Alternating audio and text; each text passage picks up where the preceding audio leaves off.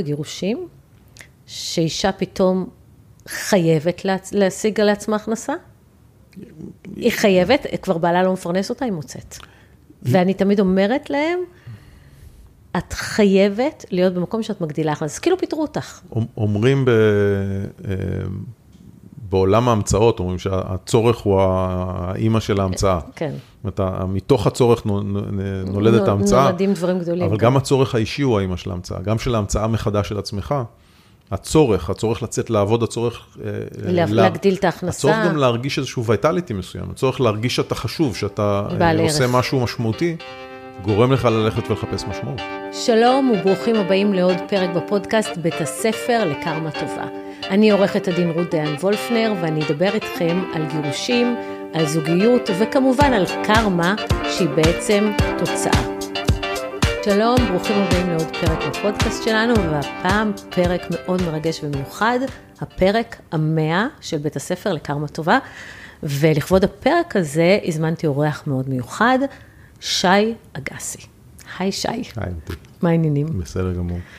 אני מתרגשת שזה פרק 100. אשתי המאזינה הקבועה הסבירה לי כמה חשוב הפרק הזה ושאסור לי לפשל היום, אז אני פה בזכותה. ברור. מי אנחנו בלעדיה? נכון. אה, אוקיי, אז שי אגסי, חוץ מזה שהוא אה, בעלה של תמי חוטובלי, חברתי, הוא גם יזם אה, הייטק. אני, אולי, למה אני בכלל צריכה להציג אותך? מי לא יודע מי זה שי אגסי? אפשר להשאיר את זה בזה. נכון, זהו, שי. אני, אני יזם סדרתי. ממש. שאומרים, יש שיר כזה של מאיר אייל, שמי שנדפק פעם אחת לא יכול להיגמל מזה. זה דווקא אומרים מח... על יזמים. התמכרות כן, טובה. נכון. אבל אה, אז בוא, מאיזה גיל התחלת להיות יזם? אה, מגיל מאוד צעיר הייתי, אה, למדתי בטכניון בגיל צעיר. צעיר ממש, שבע כזה? 16. 16, קרוב, זהו, כן. זכרתי שזה משהו לא, לא טבעי. וממש בשבועות האחרונים של הלימודים נפצעתי פציעה קשה, הייתי בבית חולים איזה שנה וחצי. תאונת דרכים. תאונת דרכים, כן. דרסה אותי מכונית, אני ניצולתי תאונת דרכים פעמיים. פעמיים? כן, בגיל שמונה ובגיל שמונה עשרה. ו... מישהו החליט שאתה חשוב מאוד לעולם הזה כנראה. או שפשוט אה, אני טיפש. אין לי הסבר יותר טוב מזה. לא, ההסבר שלי יותר לא טוב. לא לומד גם בזה. אה, ואז עשיתי פשוט סדרה של חברות שהתחילה מגיל 20 בערך, אחרי שהשתחררתי, התנדבתי לצבא ושחררו אותי על, על סיבות בריאותיות. ואז התחלתי סטארט-אפ, ו... ואז גויסתי חזרה לצבא והתחלתי עוד ארבעה סטארט-אפים אה, יחד עם אבא שלי. גייסתי אותו ועשינו, אה, חברנו ביחד, עשינו ארבעה סטארט-אפים. ואז מכרתי אחד מהם לחברה הולנדית בגיל 30 ויום. 20 לאפריל. 20 לאפריל, לחצנו ידיים ב-20 לאפריל, ו... והם ביקשו ממני להישאר, להמשיך להריץ את החברה ולהנפיק אותה. אז הגענו ממש לשלב של היציאה לבורסה, הגשתי תשקיף, ואז היה את הדוט קום קראש, ממש יום למחרת. הגשנו תשקיף, היינו אמורים לצאת להנפקה, ואז הייתה נפילה גדולה של נסדק. היינו שנה בכזה לימבו בין, בין חברה ציבורית ופרטית. ואז נקניתי עוד פעם, נקניתי על ידי חברת SAP. אה, וב-SAP גדלתי מנהל חברת בת של SAP ועד להיות אה, מנהל כל המוצרים של כל החברה, שזה לגדול מלנהל 200 איש ל-12 אלף איש. וואו. בתוך כמה שנים. ואתה רק בן 30 ו... בן פחות מ-40. אה, פחות מ-40, הייתי מוניתי להנהלה הבכירה של SAP, לשביעייה שמנהלת את SAP בגיל 34. שערורייה. נכון, ועזבתי בגיל 39. וואו.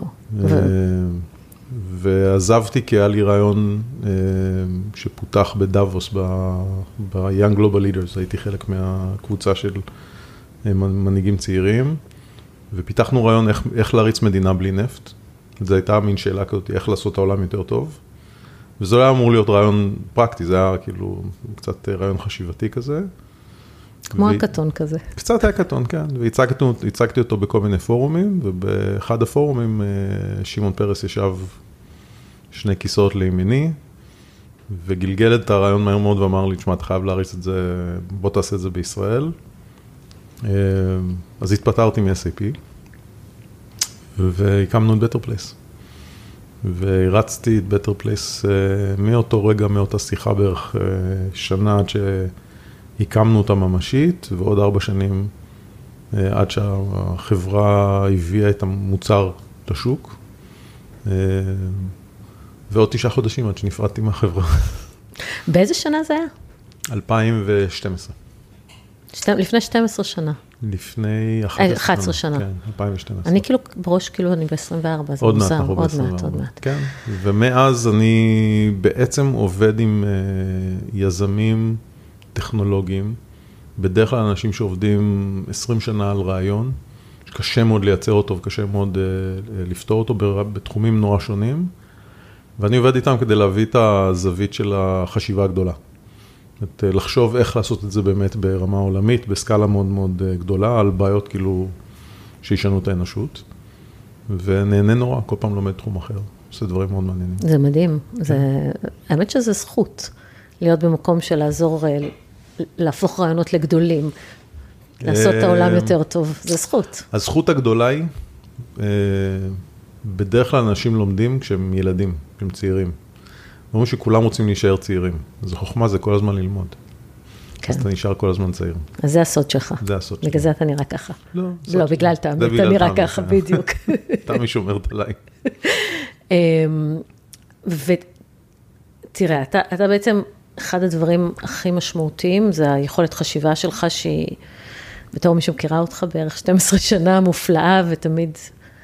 תמיד מדהים לשמוע אותך ולהקשיב לך, ומה יהיה אם יפתחו בינה מלאכותית? ש... שתתחרה בחשיבה שלך? קודם כל, פיתחו. ברור שפיתחו, אבל לא, היא לא מתחרה בך עדיין. או שכן? אני חושב שמה שהמערכת יודעת לעשות היום, זה לקחת ולסנטז הרבה מאוד נקודות, רעיונות, למשהו שהוא כתוב קוהרנטית נורא נורא יפה. אני חושבת שאולי לטובת אלה שמאזינים לנו ולא יודעים על מה אנחנו מדברים, כי אני חייבת לציין שאני עשיתי סקר, והרבה מאוד אנשים לא יודעים בכלל על מה, על מה מדברים שאומרים בינה מלאכותית. לא יודעים. אז, אז... אז נעים להכיר בינה מלאכותית, צ'אט GPT. יש הרבה דברים שקוראים להם בינה מלאכותית, אבל מה שמדברים עליו בתקופה האחרונה, זה, זה עולם כזה של מה שנקרא large language models, זה מודל שפה גדול. וכשחושבים על בעצם כל דבר קריאטיבי שאנשים עושים, הוא מתורגם בסוף לשפה. זאת אומרת, יש, הדבר הבסיסי זה לכתוב משהו, זאת אומרת, אני, יש לי רעיון ואני כותב אותו. האנושות התקדמה ברגע שידענו לבטא את עצמנו בכתב. בכתב, והתקדמה מאוד ברגע שידענו לכתוב את זה על נייר ולהשאיר את זה לדורות הבאים. זאת אומרת, כל עוד ידענו לבטא, לא, לא ידענו לבטא את עצמנו, אז לא יכולנו להדריך את, את אלה שחיים איתנו. ברגע שידענו להדריך גם את אלה שכבר לא חיים איתנו, יכולנו להעביר ידע, ידע מדור לדור, ואז בעצם נוצר מין צבר ידע כזה, ספרייה אוניברסלית. בטח נוצרה דת. נוצר דת, נוצר מדע, נוצר כל הדברים, כי בעצם התחלנו ליצור אה, שפות שתיארו אה, את העולם. התחלנו ליצור מורשת. כן. שאפשר להעביר, legacy. אבל בסוף גם יצרנו תתי שפות. זאת אומרת, יצרנו שפה של design. אומרים, designerים יש להם שפת design, אנחנו לא מבינים מה זה, כי אנחנו לא מבינים אותה. יצרנו שפה של מוזיקה, composers יודעים, לייצר מוזיקה, יש להם מין שפה כזאת שהם יודעים לדבר אותה, אנחנו לא ככה, אנחנו נהנים ממנה, אבל לא יודעים לדבר אותה. וגם לא יודעים לכתוב אותה, לא ליצור אותה. אותה. אותה. ליצור אותה. ובעצם כל דבר קריאטיבי בעולם יש לו שפה. ומה שגילו זה שהיכולת שלנו להסביר שפה למכונה, ואז לתת לה לקרוא הרבה הרבה הרבה דברים, ולהתחיל לייצר מזה הרבה דברים, היא מדהימה. אז ברמה הבסיסית ביותר, אם אני היום יודע ללכת ל-GPT, שכולם, מי שמתנסה מתחיל להתנסות ב-GPT, ואני יכול להגיד לו, תכתוב לי תיאור של תורת הקוונטום בסגנון של שייקספיר. אז הוא יודע מה זה סגנון של שייקספיר, כי הוא קרא את כל מה ששייקספיר כתב, הוא יודע מה זה תורת הקוונטום, פתאום הוא יודע לכתוב את תורת הקוונטום משייקספיר, ואני אגיד לו, תכתוב את זה בראפ, הוא יכתוב את זה בראפ, ואם אני אגיד לו, תכתוב את זה בעברית, הוא יכתוב את זה בעברית ובאנגלית וכן הלאה. ובסוף אם אני גם אגיד לו, ת, ת, תעשה מזה ציור, הוא יודע גם לעשות את זה גם ציור מתוך זה. ואם אני אגיד לו, תלחין את זה, הוא ימצא, הוא ילחין משהו שמבחינתו זה הגיוני, כי הוא יבין משפה לשפה, יכולת תרגום משפה לשפה היא יכולת מדהימה, אין בן אדם שמדבר את כל השפות האלה, אבל בנו מכונה שמדברת את כל השפות. ומכיוון שיש לו גם זיכרון מאוד גדול, אז היום כשאומרים לו בוא תעשה בחינה ללשכת עורכי הדין, בר, או תעשה בחינה ל, לרפואה, הוא יודע לעבור את הבחינות האלו. זאת אומרת, הוא כאילו קרא את כל החומר, שואלים אותו שאלות, והוא יודע באופן הגיוני אה, לענות על הבחינות. הסיפור אומר שכשהציגו את הגרסה הקודמת לביל גייטס, הוא אמר להם, אוקיי, תראו לי שהוא יודע לעבור את הבחינות כניסה לקולג' בביולוגיה, כי הוא אמר, כל הדברים האחרים זה, הוא ימצא תרגיל דומה והוא יפתור, אבל בביולוגיה הוא צריך להבין. ואז עשו לו את הבחינה בביולוגיה, והוא ענה על 49 שאלות מתוך 50 נכון, והוא ענה על השש שאלות הפתוחות, ה-essays, בצורה כזאת שהמורים אמרו, תשמע, זה התלמיד הכי טוב שראינו בחיים. וואו. אז ברגע שהוא הבין שזה שם, הוא אומר, אוקיי, הגענו לרמה שהוא יודע כבר לא רק לדבר, לא רק להחזיר ולזכור, הוא גם יודע אה, לחבר מחשבה חדשה. היתרון הגדול של המכונה הזאת זה שהיא גדלה נורא נורא נורא נורא מהר. להבדיל מאיתנו שהדור הנוכחי והדור הבא פחות או יותר דומים, למרות שהילדים שלנו יותר חכמים מאיתנו. הרבה יותר חכמים. אתה רוצה לחשוב ככה, אבל זה לא. הקפיצות דור פה הם לא 25 שנה, הם, הם בקושי שנה, וההבדל בין דור לדור הוא מטורף. אם הדור הקודם, GPT-2, GPT-3 היה סבבה, אבל לא יותר מדי חכם, GPT-4 הוא כבר ברמה של אה, תלמיד אוניברסיטה שלמד את כל המקצועות, כאילו תואר ראשון בהכל. אבל הוא גם ממציא דברים, שי. הוא עושה הלוסיניישנס. בואו בוא, בוא נדבר על זה שנייה, שעוני נורא נלחצת מזה. אז קודם כל, לטובת אלה שלא יודעים, צ'אט GPT זה, אתה יכול לשאול אותו שאלות, שזה בכלל תורה שלמה. לדבר איתו, כן, להתכתב כן, איתו, כן. prompt engineering, כן. אתה צריך לדעת גם מה לשאול אותו. אתה אומר לו, אתה ככה וככה, תכתוב לי את זה. Mm. אז אה, אתה שואל אותו שאלות שאתה יודע את התשובה עליהן ב-100%, ולא תמיד הוא עונה לך, הוא יכול לענות תשובה מדויקת ופתאום לדחוף uh, איזה paragraph שהוא המציא לגמרי. מכיוון שהוא אה, ניתן כשירות די פתוח וחינמי ברוב המקרים, חוץ מאלה שמשלמים, אז מה שעשו, הגבילו לו את הזמן שהוא יכול לחשוב על כל שאלה. אז אם לא היו מגבילים לו את הזמן, הוא כנראה היה עונה מדויק על הכל. אבל כיוון שהוא נשאל מלא מלא שאלות, יש, יש בדיחה נפלאה שכאילו מישהו, איזה מישהו כתב פעם בטוויטר, אה, אין כזה דבר צ'אט GPT, זה אני עונה לכם על כל השאלות, אם תתנו לי קצת זמן לנוח, כי אני לא יכול, אתם שואלים יותר מדי דברים. אבל בגדול, הוא כל הזמן נשאל שאלות, ומגבילים לו את, את כמות הזמן, וכשהוא לא יודע משהו אז הוא ממציא והוא מתקדם הלאה. זה, תמי אמרה לי שמידלו אותו עליי, שאני יודע לענות על הכל, וכשאני לא יודע, אני אומר משהו אה, שאני לא יודע והוא לא נכון, ואני אומר אותו בביטחון וכולם מאמינים לי. הוא נשמע לגמרי אמיתי. הוא נשמע ממש אמיתי, זה אותו דבר. GPT בעצם, כשהוא לא יודע משהו, הוא עונה. הוא ממציא. משהו שנשמע לו הגיוני. בדיוק. והוא לא הולך לבדוק אותו עד הסוף. זה נקרא hallucinations. הוא כאילו מדמיין את זה ב... וזה יכול להיות שהוא אה, יכתוב אה, אה, אה, ציטטה של מישהו שלא באמת אמר אותה. אנחנו גם מכירים פוליטיקאים שעושים את זה לפעמים. וזה יכול להיות שהוא יכתוב, כשאתה אומר לו, תכתוב לי חתיכת קוד. בשפת תכנות, כי הוא יודע גם לקודד, תכתוב לי חתיכת קוד, הוא יגיד לך, כן, תשתמש בפונקציה הזאת וזאת, והיא לא קיימת. היא סתם, הוא המציא אותה. הוא המציא. כן, הוא המציא פונקציה, ולא היה לו זמן לבדוק את עצמו. אתה יודע שקראתי שעורך דין נתבע על רשלנות, כי הוא טען לגבי איזשהו תקדים שלא היה קיים. ואז הוא אמר, צ'אט GPT אמר לי, ואני חייבת להגיד שיש הרבה עורכי דין שבאמת טוענים לגבי תקדימים שהם ממציאים, ואומרים זה בהמון ביטחון. והשופטים לא יודעים והם אומרים... לא, לא נעים. אתה יודע, יש איזה עורך דין שניהלתי, אני עדיין מנהלת נגדו תיק, והוא עומד והוא אומר, בג"ץ 734 על 99 קבע ככה וככה. עכשיו, אני יודעת שאין דבר כזה, וזה היה בבית הדין, ואני ראיתי שכאילו, מצטט מספר, זה לא יכול להיות שקרי, ואמרתי להם, אין בג"ץ כזה. יש סיפור ידוע על אחד הבנקאים בסיליקון וואלי, ג'ורג' בוטרוס, שהוא היה איש נורא אגרסיבי ונורא משכנע. ושהוא עומד מול צד שני באיזו עסקה שהם negotiating, והוא אומר לצד השני, מורגן סטנלי, הוא אומר להם, אתם כל כך מטומטמים, אתם לא יודעים לעשות אפילו חשבון בסיסי. הוא הולך ללוח ומתחיל לעשות חשבון, והוא מנסה לשכנע אותם, והם מתווכחים איתו, ואז העוזר שלו אחרי איזה חצי שעה אומר לו, ג'ורג' אתה טועה. הוא אומר לו, אני כבר יודע 25 דקות שאני טועה, אני רוצה אותי מנציח לשכנע אותם. אז יש אנשים כן. שכאילו טועים, אבל בכוונה, הם טועים עם כן. conviction, הם אומרים, אני, זה אסטרטגיה שלי להיות משכנע, לא משנה אם זה אמת או לא אמת, אני אשכנע אותך. האמת לא רלוונטית, בואו לא נתבלבל עם העובדות. גם פה יש פוליטיקאים שיודעים כן. לעשות את זה. אז, זה... אז האמת שזה קצת מדאיג אותי, זאת אומרת, אתה חייב לת- באמת לבדוק את ה-chat GPT, אי אפשר יותר מדי להסתמך עליו, כרגע. אני אגיד את זה אחרת רגע. הגרסה שיש היום היא הראשונה שהיא good enough, היא הראשונה שהיא טובה מספיק. אבל, אבל החוכמה זה לא להסתכל על הגרסה שיש היום, החוכמה זה להסתכל על כמה התקדמנו בשנה האחרונה, בשנתיים האחרונות, בשלוש שנים האחרונות, ולהקרין את זה קדימה, שנה, שנתיים, שלוש. ובעצם מה שאנחנו רואים זה שבשנה, שנתיים, שלוש הקרובות, לא יהיה תחום שבו לא יהיה לי ג'וניור, שהוא יהיה הכי טוב בעולם. זאת אומרת, לא יהיה, לא תצטרכי אה, מלא עורכות דין מתלמדות, אוקיי? יהיה לך מכונה שהיא תהיה עורכת דין מתלמדת, ויכולה לעבוד 24/7. ותתני לה אינסוף מטלות, והיא תבצע אותם, והיא תבצע אותם מעולה. חלום. אוקיי, ולא יהיה רופא שלא יהיה לו ג'וניור, ולא יהיה חוקר מדעי שלא יהיה לו אה, ג'וניור, ולא יהיה גרפיקאי או מעצב שלא יהיה לו ג'וניור. זה כבר, אוקיי, עכשיו, לדעתי. כל הדברים האלו יקרו בשנה, שנתיים הקרובות. זאת אומרת, לכל בן אדם שנמצא במקצוע שדורש יצירה, פתאום יהיה לו מלא מלא אסיסטנטים. והוא יוכל להפעיל את האסיסטנטים האלו, ובחלק מהמקרים הוא יפעיל אותם וילך, והוא ייתן להם לדבר אחד עם השני, ולעבוד ולייצר דברים עבורו, ויתחילו רק לכוון אותם. לאן אתה רוצה שזה, שנלך עם זה? זרקת רעיון, עכשיו לאן אנחנו הולכים עם זה? תקשיב, זה נשמע קצת science fiction.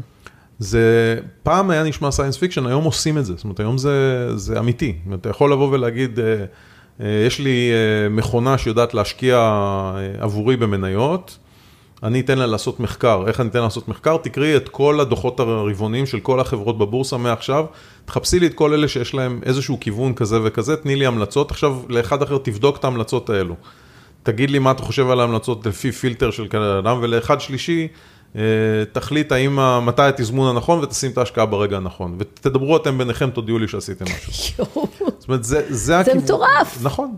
זה enablement שהיא בעצם מכונת חשיבה. אם פעם היה לנו אה, תהליך של אה, תיעוש, שהיו אנשים שהיו באמת, כל מה שהם היו עושים זה היו מנסרים עץ. היו באים בבוקר, מנסרים עץ, היה אחד שהיה בא ודופק מסמרים כל היום. או תופרים בגדים. או תופר בגדים, ואנחנו בעצם מסתכלים על זה ש, שאת התפירה ביד החליפה מכונת תפירה, את המנסר ביד החליף אה, מסור, ו, ואת הבן אדם שהרכיב החליף פס ייצור, ופתאום את אומרת, בעצם זה אפשר לנו את העולם שאנחנו חיים בו. זאת אומרת, אם, פעם אה, מכונית עלתה לי פי 10 או פי 100, כי הייתי צריכה כל כך הרבה אנשים שעובדים עליה, והורדתי את את העלות של הייצור, ולכן אין לי בעיה שבחדר הזה יהיו עכשיו ארבע טלוויזיות, כי טלוויזיה, לא עבדו עליה כל כך הרבה אנשים, ולכן היא לא כל כך יקרה. אז הוזלנו את, ה, את התשומות של ייצור מוצרים, עכשיו אנחנו נוזיל את העלויות של ייצור שירותים, של ייצור קריאטיבי. ו, ובמקביל לזה, כנראה שנצטרך לעבוד פחות כדי לקבל את אותם דברים. זאת אומרת, ה- אז הזמן מה זה שלנו אומר? משתנה. זה נשמע מלחיץ. א', זה שינוי, וכל שינוי יש בו דברים לטובה ולרעה, ולכן נלחצים. שינוי הוא, הוא תמיד מלחיץ. אומרים שבחמש שנים הקרובות, 50% מהתפקידים, מהעבודות, ייעלמו. זה לא שיעשו אותם אחרת, פשוט לא יצטרכו אותם. אז, אז אם אתה מוצא את עצמך ב-50% מהעבודות האלו, אתה ג'וניור של משהו, חייבים מהר מאוד להתמקצע ולהיות ממש טוב, וכנראה להיות ממש טוב בלהפעיל את המכונות האלו, כי אתה לא רוצה להיות בצד שהחליפו אותו. כן, אתה אתה- רוצה להיות בצד שמפעיל. אני, אני אגיד את זה בצורה הכי אה, מתארת. היה פעם תפקיד כזה של ללכת ולגרד אגמים קפואים. היו אנשים שהיו מגרדים את האגמים הקפואים, עושים מזה חתיכות של קרח, והולכים ומוכרים קרח. ואז המציאו פריג'ידר. אתה רוצה להיות אחד שמתכנן פריג'ידרים, לא אחד שמגרד קרח. בסוף, אם התפקיד שלך הולך להיות מוחלף על ידי מכונה, זה לא משנה אם המכונה הזאת היא מכונה פיזית או מכונה בתוכנה, אתה לא בצד הנכון של, ה, של המשוואה. אתה רוצה לדעת איך להשתמש במכונה הזאת כדי להיות הבן אדם שמפעיל מקררים גדולים וכן הלאה, ולא מגרד קרח באגמים שאף אחד לא צריך לעשות את זה יותר. ובאותה צורה, אתה לא רוצה להיות זה ש... אה, מי אה, אה, כותב דברים למחייתך, כי כנראה את זה יוחלף, ועד ל... לא יודע מה, עורכי וידאו, שפעם היו עושים אותם לבד, והיום עורך- וידאו, הוא, תהיה מכונה שתיקח מלא פוטאג' ותערוך אותו ותחבר אותו בצורה הכי טובה שאפשר. וואו, אוקיי, טוב, בואו נקווה שנהיה בצד הנכון של המכונה. אמ, וזה בעצם הוביל אותי למחשבה שהמון דברים שעכשיו נראים לנו מאוד מובנים מאליהם, הם הופכים להיות פגי תוקף. אה, כן, הגדר, גם הגדרות וגם אה, גם ספציפי, זאת אומרת, גם הגדרה קבוצה, כאילו קלאס של אה, תפקידים מסוימים, וגם מקצועות. המקצוע שלך, גם הקריירה שלך כבן אדם, גם ההגדרה העצמית שלך. הרבה פעמים תלויה באיזשהו משהו שאתה עושה, הרבה פעמים היא תלויה ב... באני כזה וכזה. אתה, אתה, הרבה מאוד אנשים צמודים לזה שהם, אני נהג מונית, ופתאום באה מכונה ויודעת לנהוג. אז רגע, אז מה זה אומר, מה אני? אז, אני כבר, אז כבר לא צריכים אותי, אני פגתי תוקף, או התפקיד הזה פג תוקף, או הצורך בזה פג תוקף, איך אני מגדיר את עצמי ב, ב, בעולם הזה, ו, והרבה פעמים אנחנו רואים את, את התאריך התפוגה עוד לפני שהוא פג. זה אתה. אתה למשל ראית שמכוניות עם בנזין, יהיה להם תאריך תפוגה. ואז אה, הקמת את Better Place, אה, הקדמת את זמנך, זה, אין, אני לא חושבת שיש זמני מישהו... איחר, זמני איחר, לא אני הקדמתי את זמני. זמנך איחר. קח אחריות, הקדמת את זמנך. אבל באמת צריך איזשהו כישרון מיוחד לראות דברים שהם בקרוב פגי תוקף, וזה דרך אגב נכון גם ליחסי, למערכות יחסים. הם. יכול להיות שהם פגות תוקף הרבה לפני שאתה מבין את זה. אתה מבין שמשהו לא בסדר, אבל המערכת כבר פג תוקפה. לוקח הרבה זמן עד ש... לפעמים מאותה סיבה. לפעמים לא כי המערכת יחסים פג תוקפה, אלא כי ההגדרה העצמית שלך פג תוקפה. זאת אומרת, אתה, אתה, אתה, אתה כבר לא הבן אדם שהיית כשנכנסת למערכת יחסים, ואז אתה, אתה בעצם נמצא בתוך מערכת יחסים כשאתה כבר לא הבן אדם הזה. אה, זה, זה קורה תמיד, כי הלוא, מה זה בעצם נישואים? אתה בוחר אדם שהוא אדם הכי מתאים לך בעולם, אבל אתה בן 24. ובגיל 40, אתה לא אותו בן אדם. לפעמים, לא, לפעמים בתור לא אותו בן אדם, תבחר מחדש את האדם שאתה נמצא איתו, וככה אנחנו רואים מערכות יחסים של עשרות שנים. זה, זה הטריק הכי גדול ש, שעשיתי. אנחנו בחרנו בגיל 40 לבחור עוד פעם. בסדר, אבל, אבל פג תוקף, הראשון פג תוקף, ואז... אני, אני חושב ש... ש... החוכמה, ועוד פעם, זה, זה התחום שלך, זה המקצועיות שלך, אז אני... אבל אני תמיד אוהבת לשמוע את דעתך. אז החוכמה בסוף באמת זה לבחור משהו שאתה, לבחור בן אדם שאתה יודע שאתה תתקדם באותו מסלול יחד איתו. כן, אבל זה, אתה יודע. בדיוק כמו לבחור טכנולוגיה, שאתה תתקדם באותו מסלול יחד איתה. זאת אומרת שככל שהטכנולוגיה תתקדם, גם אתה תתמקצע יותר, גם אתה תהיה יותר, אבל אתה צריך להמשיך לעבוד על זה, כמו שאתה צריך במערכת יחסים, להמשיך לעבוד על עצמך. אתה לא יכול להישאר אותו בן אדם שהיית בגיל 40, גם אם בחרת בגיל 40 נכון, אם נשארת תקוע במקום והבן זוג שלך התקדם, אז הגעת לפג תוקף. הגעת לפג תוקף, נכון. התפרק, התפרק התיאום בין... אה, וזה נכון גם לעבודה, זאת אומרת, אם מישהו, אה, זה כמו שיש עדיין עורכי דין, שיש להם מזכירה שמדפיסה להם. כן. אוקיי, כן. זה, זה, אתה חייב להתקדם עם הטכנולוגיה, הוא חייב להתקדם עם החיים, הוא חייב להתקדם עם הזוגיות, אה, ואם ו... אתה לא מתקדם, אתה נשאר מאחורה. ו... וחלק מזה זה גם לדעת שאנשים מסביבך, אה, אתה לא עושה להם טובה אם אתה משאיר אותם בתפקיד שהוא פג תוקפו. כן. האחריות שלך זה לעזור להם לגדול לדבר הבא שישמר אותם אה, ברי תוקף, זאת אומרת, שישמר אותם רלוונטיים. אבל איך בעצם אנחנו יכולים לדעת מראש שמשהו עומד לפוג תוקפו? וואי, זו שאלה ממש קשה. אומרת, אה, אה, יש דברים שהם כאילו כוחות שהם חזקים מהיכולת שלנו שבדרך כלל רוצה לעצור שינוי. זאת אומרת, אנחנו כבני אדם לא אוהבים שינוי. אנחנו אוהבים שמשהו קבוע, הוא ידוע, הוא ברור. אה, טוב, זה יצר הישרדותי. הלוא, זה, אני ממש עכשיו שמעתי על זה, איזה ראיון, שבתור אדם קדמון, mm-hmm. אם אתה לא עם השבט שלך, ואתה, השאירו אותך מחוץ לשבט, אתה, אתה, אתה בסכנת תוקף. חיים, אתה פג תוקף, בדיוק. ולכן אנחנו מתוכנתים כל הזמן לרצות לחזור למוכר. ולפעמים המוכר לא טוב לנו, אבל אנחנו מתוכנתים כל הזמן לרצות לחזור למוכר. זו דרך אגב הסיבה שרוב האנשים שזוכים בלוטו, מפסידים את זה תוך פרק זמן מאוד קצר, הם לא רגילים להיות, הם לא יודעים מה לעשות בסיטואציה הזאת. הם לא כן. יודעים, זה לא הם. מחוץ לשבט, כן. כן, הם מחוץ לשבט. אמ, כן, יכול להיות, אני חושב שעוד פעם, יש לנו איזשהו, אני חושב שחלק מזה זה, זה רצון שלנו טבעי, וחלק מזה זה הכוח שיש לאינקמבנס, יש לה, לה, אמ, לחברות וקבוצות ששולטות בשוק, יש המון המון כוח. כש, כשאנחנו... אה, באנו לעשות מהפכה בשוק הרכב, היבואנים ב- בישראל אמרו, מה, מה באת אלינו? למה באת להפריע לנו? זאת אומרת, אתה... עכשיו, כשמסתכלים על זה ב- בהסתכלות אגואיסטית שלהם, אומרים, אנחנו חיים מזה, מוכרים 250 אלף מכוניות בשנה, כאילו, מה אל אתה ת- עכשיו, מה- אל תהרוס. אל תנענע את הספינה הזאת, אתה רוצה למכור 10 מכוניות, סבבה, 100 מכוניות, סבבה, אבל אתה לא תמכור פה 100 אלף מכוניות בשנה, כי זה יבוא על חשבוננו. אז האינקמבנטס תמיד התפקיד שלהם זה להגיד, עזוב, זה לא יקרה.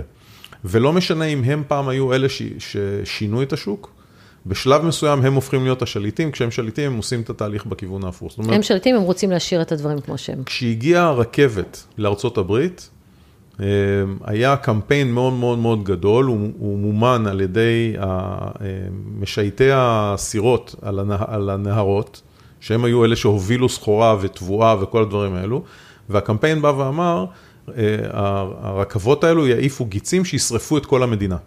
יואו. והיה קמפיין אדיר, יואו. אמצע המאה ה-19. Lobbying. Lobbying. מגיעה המכונית, אוקיי? עכשיו המכונית מתחילה את התחרות שלה בסביבה האורבנית. עם מי היא מתחרה? עם הרכבת. עם העגלה והסוס. אה, עם העגלה. מי בעלי העגלות והסוסים הכי גדולים? חברות הרכבות. כי הם היו מביאות את הסחורה עד למנהטן, לגרנד סנטרל סטיישן, ואז צריכות להפיץ אותה. אז להם היה הכי הרבה עגלות וסוסים. אז מי מתחיל את הקמפיין נגד המכונית? חברת הרכבות. אותה חברה ש-50 שנה קודם נלחמו בה בצורה לא, לא הוגנת, לא חוקית, לא אדם, עושה קמפיין שאומר, העגלות בלי סוסים יהרגו אנשים כי זה משוגע. והסתבר, בהסתכלות היסטורית, שהסוסים עם עגלות הרגו פי שבע פר קילומטר, פי שבע יותר ממכוניות. עם כל זה שמכוניות הורגות הרבה, סוסים הרגו יותר. באמת? כן, אבל אבל האינקם- היה פחות. נכון. היה פחות מ... אבל האינקמבנט תמיד תפקידו, מרצונו לשמור על עצמו. אז כשיגיעו אה, העורך דין הדיגיטלי שיעשה לא עבודה... יגיע, לא אוקיי. יגיע העורך דין לשכת דיגיטלי. עורכי הדין תוביל את המהלך נגד העורך דין הדיגיטלי, וכשיבוא הרופא הדיגיטלי, אז, אז איגוד הרופאים יסביר למה הרופא הדיגיטלי אין לו אמפתיה, כאילו שלרופא יש אמפתיה, או, הוא יסביר שבעצם אין, אי אפשר להשתמש בזה, זה לא אבל זה הגיוני. בעצם תהליכים שלוקחים עשורים. כי... פעם זה לקח עשורים, היום זה לוקח אה, אז בלינק בוא, בוא ובעיניים. למשל תראה איך אנחנו, אני חושבת שכולם, אולי אתה לא, אבל כולם מאוד מפחדים ממכונית ללא נהג. נכון. למה?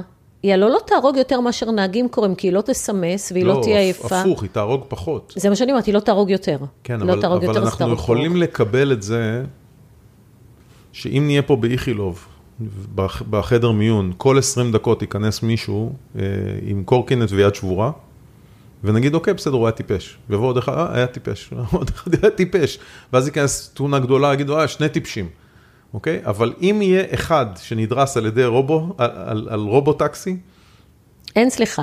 ועל השני כבר יבוא עורך דין ויעשה תביעה ל- ייצוגית. ייצוגית, בדיוק. על השני, לא השלישי, השני. זאת אומרת, אומר את זה אמנון שעשוע, מהגאונים הגדולים ביותר בארץ והאבא של התחום. הוא אומר, אני, אם אני נוסע מאחורי משאית, ועף הקופסה מהמשאית, ובגללה נכנסתי בקופסה, למרות שהוא לא קשר את הקופסה, המשאית לא קשרה את הקופסה, אז יגידו לי פעם ראשונה, היית צריך לחשוב על זה. בפעם השנייה יתבעו אותי, כי כבר ראית את זה פעם אחת. נהג, אתה תמיד יכול להגיד, פעם ראשונה שקורה לי שעף הקופסה. עכשיו, אי אפשר להגיד לו, מה, כבר קרה לך? לא קרה לו. אנחנו בסוף דורשים ממכונות איזושהי רמה של אינפלביליטי, שהם לא יטעו, אסור להם לטעות. אחרת אין להם זכות קיום. אחרת אין להם זכות קיום. ומכונות ש... שיכולות להרוג אנשים, על אחת כמה וכמה. אבל אני חושבת שכל ההסבר הזה שנתת עכשיו, שהמכונות, אנחנו לא... זה בעצם כי אנחנו מפחדים מהשינוי. זה בדיוק כמו שפחדו, המשיטי סירות אמרו, הרכבות ישרפו את הכל, אנחנו לא, לא נוכל לסלוח על זה. והסוסים אמרו, המכוניות יהרגו יותר אנשים, אנחנו פשוט מפחדים משינוי. אחד זה לא זה- משנה למה אנחנו מסבירים את זה עכשיו. אחד זה נכון, שתיים, כולנו נמצאים על איזשהו אה, מנעד, לא כולנו מפחדים באותה רמה. ברור. אוקיי, אז... אני מדברת כחברה, כחברה. מהיכרותי עם הנפשות הפועלות, אסף יהיה במכונית הרובוטקסי הראשון בתל אביב בשבוע הראשון, נכון? אסף הבן שלך, כן. מהיכרותי עם הנפש, הוא יישב בשבוע הראשון והוא יבדוק אותה, אוקיי? אז, אז יש כנראה סיכוי מאוד גבוה הדור שהוא... הדור הצעיר, ברור שיקבל את זה יותר. זה לא רק הדור הצעיר, זאת אומרת, זה, זה גם אנשים, יש אנשים שהם יותר ויש אנשים שהם פחות, ויש כאלה שאומרים, אני אחכה שכולם יהיו בזה ואז אני אבדוק, ויהיו כאלה שבסוף יזרקו אותם פנימה ברגע האחרון, ויהיו כאלה שגם אז לא יסכימו לשבת בתוך. זאת אומרת, יש איזשהו, נקרא adoption curve, כל אחד מוצא את עצמו איפשהו ב-adoption curve. תשמע, אני, בגילנו המופלג, אנחנו זוכרים מהפכות. Mm-hmm. אני זוכרת שמשרדי עורכי דין, היה להם מחשב שמחובר לאינטרנט בנפרד, בשביל כן. שלא יחדרו. ו... ויגנבו את כל התיקים. את כל המידע ויהיה הפרת חיסיון. אני זוכרת את זה, גם לי היה במשרד מחשב, מחשב נפרד, אינטרנט. מחשב אינטרנט. כן, על יד. הפקס. נכון, על יד הפקס, והיינו הולכים לראות מה קורה בוויינט, אני זוכרת שהתאומים נפלו. הייתי על המחשב אינטרנט בשביל לראות מה קורה. והיום כל החומר על ענן נכון, של כולם. נכון. את שמת אותו ו... מחוץ למשרד בכוונה. מחוץ למשרד בכלל. כדי שתוכלי להגיע אליו מהבית. נכון. נכון. היום, היום אין הבדל אם אני פה, אם אני בניו יורק, אני באותה מידה רואה, וזה, נכון. וזה קרה... זה דבר שראינו אותו קורה. אז זה ש... מהפכה ש... אז כשמסתכלים נגיד על השאלה הזאת של אה, אה, מכונית אוטונומית, המסע למכונית אוטונומית התחיל בדיוק לפני 20 שנה, 2003, ניסוי ראשון, אה, סוכנות הפיתוח של צבא ארצות הברית עושה תחרות במדבר, מי יוכל להסיע מכונית מסלול מסוים, ואף אחד לא מסיים את המסלול ב-2003, ב-2004 כבר מצליחים לסיים את המסלול של שלוש מכוניות. מכוניות מסת... אוטונומיות? אוטונומיות, כן. עכשיו, מסתכלים על זה משם 20 שנה, ועדיין אין לנו מכוניות אוטונומיות בכל עיר בעולם.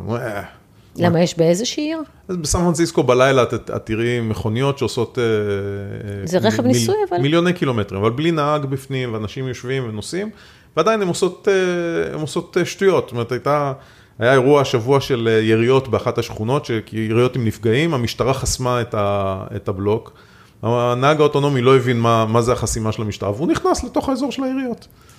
אז כאילו, אמרו, וואי, נרעשו, נרעשו, נרעשו, הם פרסמו הודעה מאוד uh, קצת צינית, שאומרת, מעניין שה-district attorney של סן פרנסיסקו מאוד מאוד מודאג מהמכונית שנכנסה, ולא משלושת האנשים שנהרגו ביריות באותו יום. כן. כאילו, בוא, בוא נשים את זה רגע בפרופורציות. אנחנו נסענו ברחוב, היו שם יריות, כאילו, באמצע הרחוב, זה לא, לא, כאילו, אז יש שינוי.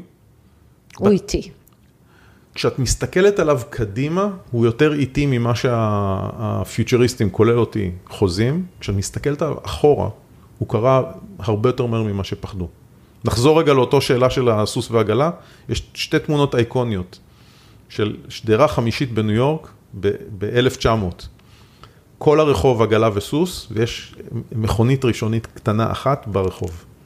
1913, חצי דור אחרי זה, כל הרחוב מכוניות, ויש עגלה וסוס אחת. מדהים. אותה זווית, אותו רחוב, אותו מקום, 12 שנה אחרי, עברו ממודליטי אחד למודליטי השני. זאת אומרת, השינוי, כשמסתכלים עליו תוך כדי, אז מישהו, אני בטוח שאמר, מה אמרתם לנו כבר, כולם בלי סוסים, בלי סוסים, בלי סוסים, תראו עדיין כל הסוסים פה, אבל הם כבר פג תוקף. אוקיי? כבר... הם פג תוקף, אף אחד לא רק עוד לא הבינו את זה. אז לפעמים צריך להסתכל על תמונה גדולה ועל הטרנדים שלה. והתמונה הגדולה, כשאני התחלתי עם, עם uh, Better Place, אמרתי, תשמע, נפט יהיה יותר יקר, בטריה תהיה יותר זולה, פג תוקף, זה רק שאלה של מתי. והעובדה היא שזה לקח טיפה יותר ארוך ממה שאני חשבתי, אבל הרבה פחות ממה שכל התעשייה אמרה. מדהים, מדהים. אבל אני חייבת להגיד לך שאני, אתה יודע, אה, בטסלה, mm-hmm. ויש לה נהיגה אוטומט, כאילו, נכון. ואני מפחדת, אני לא עושה את זה. אסף עושה את זה. ובצדק. אני לא עושה את זה. אסף עושה חופשי, אני מפחדת. רק חניה הוא נותנת לו לחנות, ואני חונה לפעמים יותר טוב.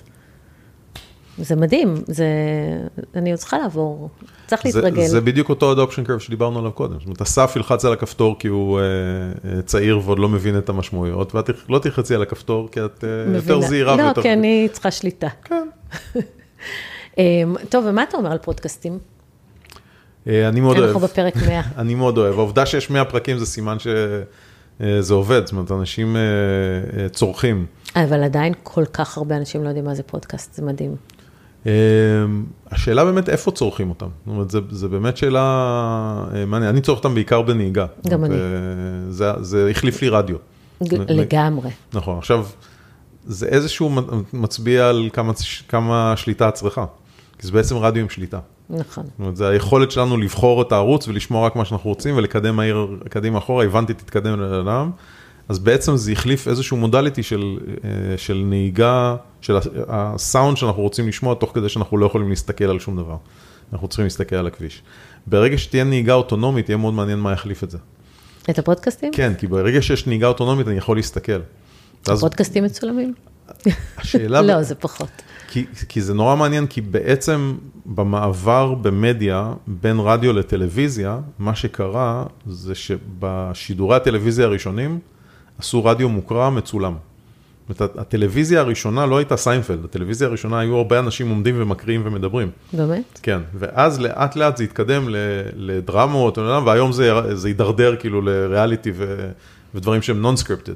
אבל בעצם היה איזשהו תהליך שבהתחלה, בסך הכל אמרו, אוקיי, זה כמו רדיו שרואים. אז פודקאסטים בהתחלה, אני מניח שזה יהיה הפודקאסטים אנחנו ש... כבר נמצאים, אנחנו נכון, מצולמים הפודקאסטים עכשיו. שרואים. כן. אבל ברוב המקרים מי ששומע הוא באמת או בריצה, או בנהיגה. ולכן הוא לא מסתכל. אז, אז ההסתכלות היא, היא ולוגים למיניהם וכאלה, אבל ברוב המקרים בפודקאסטים אה, שומעים אותם, לא רואים אותם. ואתה רואה להם איזושהי התפתחות לאנשהו? אמ, אני חושב שבסוף מה שיצטרך אה, לקרות זה אה, מסות הרבה יותר גדולות של פודקאסטים? של קונטנט. זאת אומרת, השינוי שאנחנו עוברים עכשיו, אותו שינוי שדיברנו עליו קודם של GPT, בעצם התרגום שלו בחוזה הסוציאלי היומיומי שלנו, יהיה מאוד דומה למה שקרה בתהליך התיעוש. את ה... החוזה ההיסטורי שלנו היה עם אלוהים. אומרת, משה יורד מההר, אומר, שישה ימים תעבדו, יום אחד לא, אלוהים אמר. למה? ככה, זהו, אלוהים אמר. ובעצם עבדנו שישה ימים, ו, ובעצם מה שאמרו לנו, אם להיות טיפה ציניים ולא חרדי, שאנחנו לא צריכים 100% עבודה של כולכם, האופטימום הוא לא 100%, הוא 83%. אתם צריכים לנוח גם. צריך לנוח ולא צריך את כל הזמן עבודה, אלא 83% זה סבבה. ו- וזה היה חוזה עד, אה, רוב האנשים לא יודעים את זה, עד הנרי פורד. הנרי פורד מקים פס ייצור, מייצר את המודל T. הוא בא לייצר מכונית, שהמכונית, בהגדרה שלה, הוא ניסה לחתוך את המחיר שלה פי שלוש. זאת אומרת, המכונית עד אז עלתה 2,500 דולר, והוא ניסה לעשות מכונית ב-800 דולר. הוא עושה פס ייצור, שהכל זז, והעובדים מאוד מאוד יעילים, כי הרכיבים מגיעים אליהם, הם מייצרים מכונית, אבל הוא רוצה שהעובד שלו יוכל לקנות את המכונית. אז הוא מעלה את השכר של העובדים, כדי שהם יוכלו להרשות לעצמם לקנות מכונית. את השכר היומי. שכר החודשי, חודשי? כן, והוא מעריך להם את הסוף שבוע, כדי שתהיה להם סיבה לקנות מכונית. הבנתי. כדי שעכשיו יש לי יומיים, אז אני אקח את האוטו, אני אסע לאנשהו שלא הייתי בו אף פעם, ואני אחזור חזרה, כי ביום אחד אני כבר לא אסע ואני אחזור. אז הוא מייצר את הסוף שבוע השני ימים, שבת ראשון. שבת ראשון, ומרגע שהוא עושה את זה, בעצם כל מי שרוצה להתחרות איתו, חייב לתת את אותם תנאים סוציאליים. ובעצם במעבר הזה של ייצור מוגבר עם, עם רמת פרודק, פרודקטיבית יותר גבוהה, הוא יצר מצב שאומר, לא צריך 85 אחוז, אפשר גם 70 אחוז, 70 אחוז מהשעות שלך זה סבבה. וזה חוזה שאנחנו מחזיקים אותו עד היום. הקורונה שברה אותו קצת. ברגע שנכנסנו לתקופה של הקורונה, גילינו שאפשר לעבוד מהבית, אז כבר לא סופרים כך שעות, וגם נוצר מין חוזה לא כתוב כזה שבארצות הברית יום, ביום שישי אין פגישות. שזה פחות או יותר אומר, רוב האנשים לא עובדים באמת את יום שישי. ואז יש להם בעצם ארבעה ימי עבודה. ארבעה ימי עבודה מרוכזים יותר, וש, ושלושה ימים שבהם ת, תתפור כמה שעות בתוך השלושה ימים האלה, כי באמת שלחנו לך אימיילים כל הסוף שבוע, אז כאילו, אבל תעבוד ארבעה ימים ושלושה ימים תעשה כאילו מישמש כזה. חלום. GPT הוריד את זה לשלוש כנראה. אתה חושב? אני חושב שבוודאות מה שיקרה זה שרמת ה-productivity של כל עובד תעלה. תעלה בצורה משמעותית. אומרת, מה שחברות יבואו ויעשו, הם יגידו לך, אתה חייב ללמוד את הכלים האלה. אתה חייב שיהיה לך לא ג'וניור אחד, מלא מלא ג'וניורים, אתה תקבל את התפקידים בציפייה שאתה יודע לייצר הרבה יותר בשעות עבודה שלך, ואז תעבוד שלושה ימים, זה גם סבבה. ואנחנו נוריד מלא מלא מלא middle managers. עכשיו, מי שמתחיל את ההורדה של ה-middle managers האלה, זה אילון מאסק. איך? טוויטר. מגיע לטוויטר, החברה לא רווחית, נכנס, והוא עורף ראשים. הוא נכנס לארגון, הוא, הוא הוריד 70% מהעובדים. כשהוא גומר... ואמרו מה אתה עושה? אמרו מה אתה עושה, ואתה משוגע, ואתה הורס ערך, אבל כשהוא גומר את התהליך הזה, והחברה עדיין מתחילה, ממשיכה לרוץ, מתחיל בסיליקון ואלי, כולם מביטים ימינה, אומרים רגע, בוא נראה מה קורה שם, והראשון שמתחיל לעקוב אחריו, צוקרברג. ומרק השבוע אמר, אני חושב שאילון עשה משהו שכולנו היינו צריכים לעשות לפניו, אבל אף אחד מאיתנו לא העז, וברגע שהוא הראה לנו איך לעשות את זה, עשינו גם כן. וצוקרברג מתחיל לפטר במטא מלא מלא מלא מלא אנשים ברמות הביניים, בעיקר מנהלים ברמות הביניים, והוא אומר לאנשים שלו, אתם יכולים להיות יותר יעילים. אתה יכול שתהיה לך מוטת שליטה יותר משלושה אה, תתי מנהלים. תנהל אתה כבר את כל הארגון מתחתם.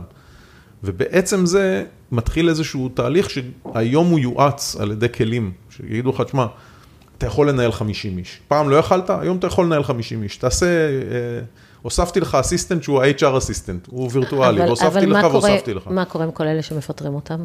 הם חייבים למצוא את עצמם עוד פעם, אה, ב, ב, בתפקיד חדש, בחברה חדשה, הם יקימו סטארט-אפים, זאת אומרת, דווקא בארצות הברית, התהליך הזה של אה, אה, הסרה מאוד מאוד קפיטליסטית, של אה, משאבים לא מנוצלים נכון, תמיד הוביל לגל של חברות מדהים.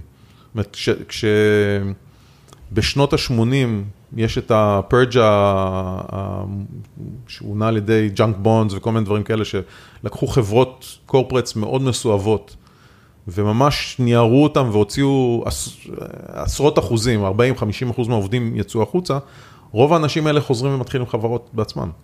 דרך אגב, אני חייבת להגיד, תסלח לי שזה עולם המונחים שלי, אבל גם בגירושים, שאישה פתאום חייבת להשיג לעצמה הכנסה, היא חייבת, כבר בעלה לא מפרנס אותה, היא מוצאת. ואני תמיד אומרת להם, את חייבת להיות במקום שאת מגדילה הכנסה, אז כאילו פיטרו אותך. אומרים ב... אה, בעולם ההמצאות, אומרים שהצורך הוא האימא של ההמצאה. כן. זאת אומרת, מתוך הצורך נולדת ההמצאה. נולדים דברים גדולים. אבל גם הצורך האישי הוא האימא של ההמצאה, גם של ההמצאה מחדש של עצמך. הצורך, הצורך לצאת לעבוד, הצורך... אה, להגדיל את ההכנסה. הצורך גם להרגיש איזשהו ויטליטי מסוים, הצורך להרגיש שאתה חשוב, שאתה עושה משהו משמעותי, גורם לך ללכת ולחפש משמעות. אז, אז בסוף הצורך הוא האימא של, ה, של ההמצאה. אחרת, אתה פג תוקף. אחר כך אתה פג תוקף. שי, אה, נראה לי שזה היה פרק מרתק, נראה לי שאפשר לקרוא לו הצצה לעתיד. תודה רבה. ותודה שהתארחת. ונקווה שתתארח שוב ב... בפרק האלף. בפרק המאתיים. על אלף אני לא חושבת עוד, בטח יהיה פג תוקף. אני בטוח שנמצא דברים עד הפרק האלף. תודה. יופי. ביי.